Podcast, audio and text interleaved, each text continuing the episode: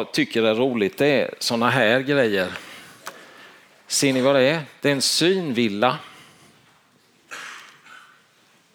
Det är zebror och ett lejon. Och, och sen finns det ju den här unga damen eller den gamla tanten. Vilken ser ni? Där är ögat på den gamla tanten och en vårta på näsan. Fast det är örat på den unga tjejen och näsan på den unga tjejen. Så det finns ju synvillor och sådana där är ju svåra, de fattar jag mig inte på ens en gång. Hur lägger man ihop tärningar på det sättet? Eller de där strecken. De är raka. Ja. Sen har vi den där. Den har jag spikat ihop och har i garaget hemma. Nej, det har jag inte. Jag vet inte hur man gör. Men bilderna, de ser ju först sanna ut. Och, och min, men när man tittar på sådana här synvillor så är det som där byter och växlar.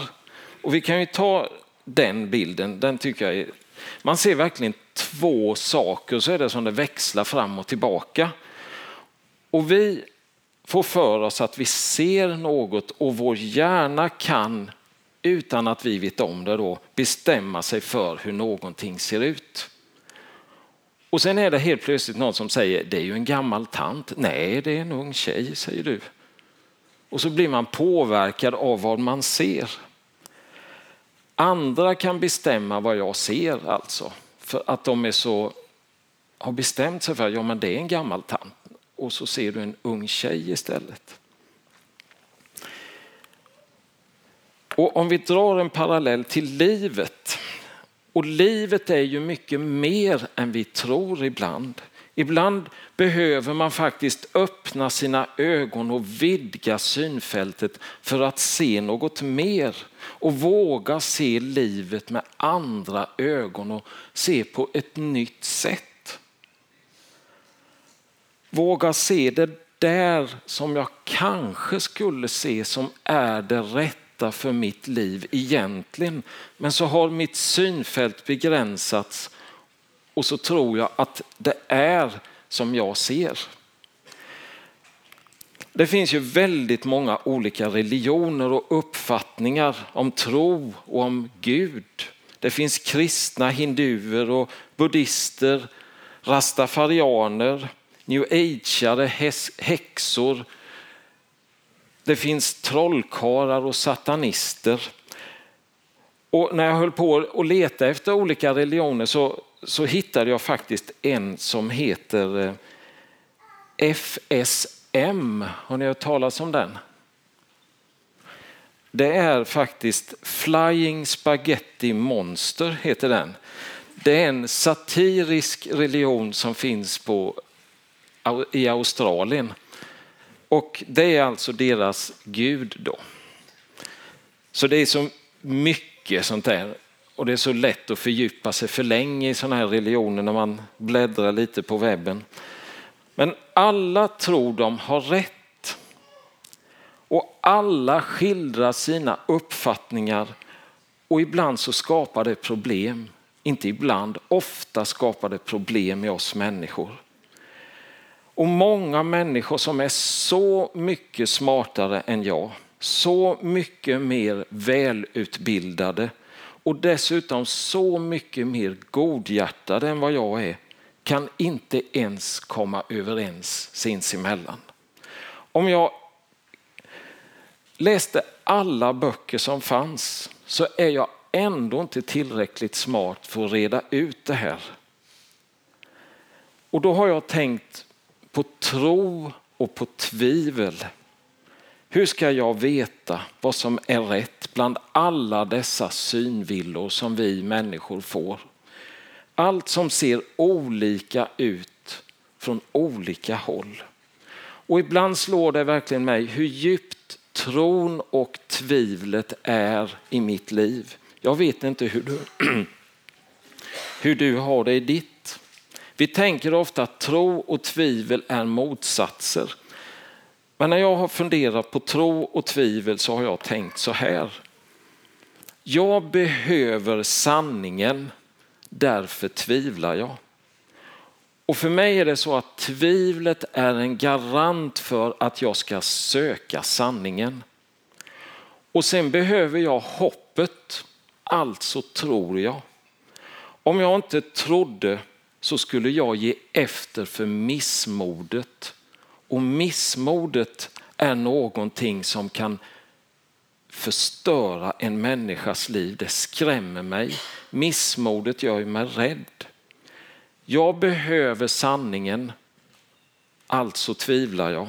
Och jag behöver hoppet, alltså tror jag.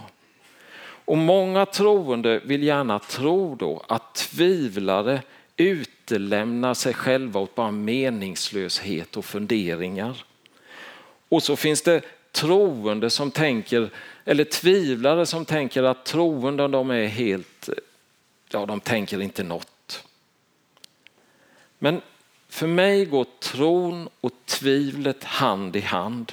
Det är som en bild som man ser från olika håll. Och vår jorden är bristfällig och vi lever ett liv här på jorden där det händer så mycket som är bristfälligt. Och därför behöver jag hjälp med att hitta, att se rätt i mitt liv.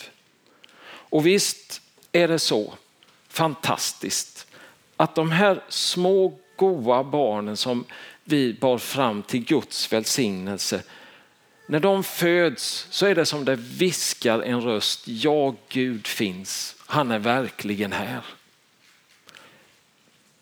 Men då finns det också en annan sida. Att varje litet barn som dör växer alla, väcker alla frågor i mig. Finns det överhuvudtaget någon Gud på jorden? Så jag behöver hjälp i det här. Smarta människor man kan undra om de har lika lätt som jag att komma fram till sanningen. Och det finns en liten historia som jag hittade om tre män som befinner sig på ett flygplan. Det är piloten, det är en scout och det är världens absolut smartaste man. Och så stannar plötsligt motorn i planet och det börjar störta. Och så finns det bara två fallskärmar. Vad gör man? Den smarte mannen han rycker åt sig en fallskärm, spänner på sig den här ryggsäcksliknande saken och hoppar ut ur planet. Och då säger piloten till den unge scouten, ta nu den sista, vad heter det nu igen? Fallskärm. Att det försvann det ordet. Ja. För du har ju livet framför dig. Du har ju livet som leker, ta den nu och hoppa. Då säger scouten så här, var bara lugn kapten, världens smartaste man som hoppade just ur planet, han tog min ryggsäck. Så det räcker inte med att vara världens smartaste man. En sak är säker, vi måste någon gång i våra liv se lite, lite längre och tänka lite mer. Och man har två sätt att se på en synvilla.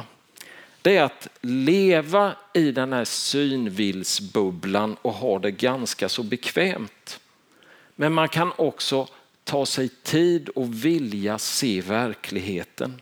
Det kan vara jobbigt ibland, men jag får se verkligheten.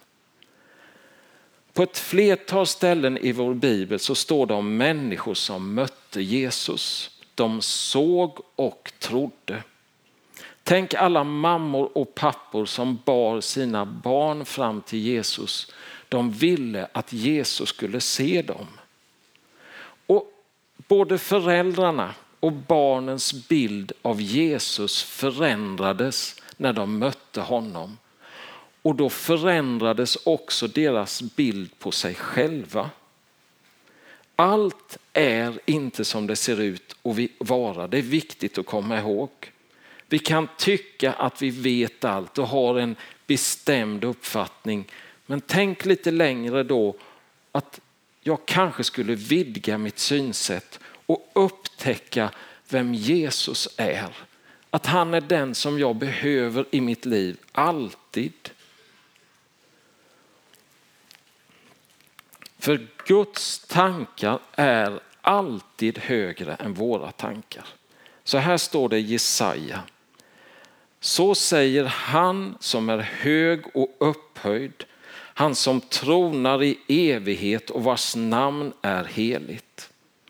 Jag tronar upphöjd och helig, men visst är det gott att det lilla ordet finns där på tre bokstäver.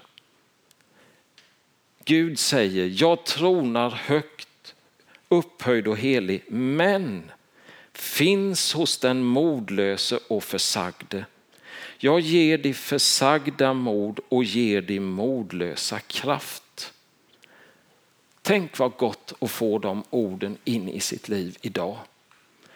Herren som är så hög över allt annat, han ser den som är modlös och ordlös. Han är här idag.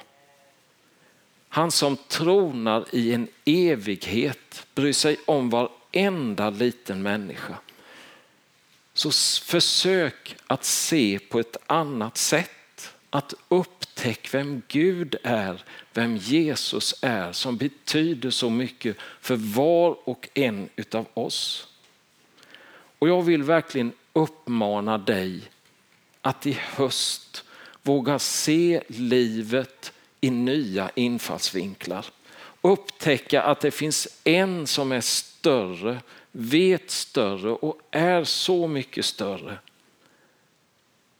Våga se att det kanske finns en annan syn på livet än det jag ser just nu.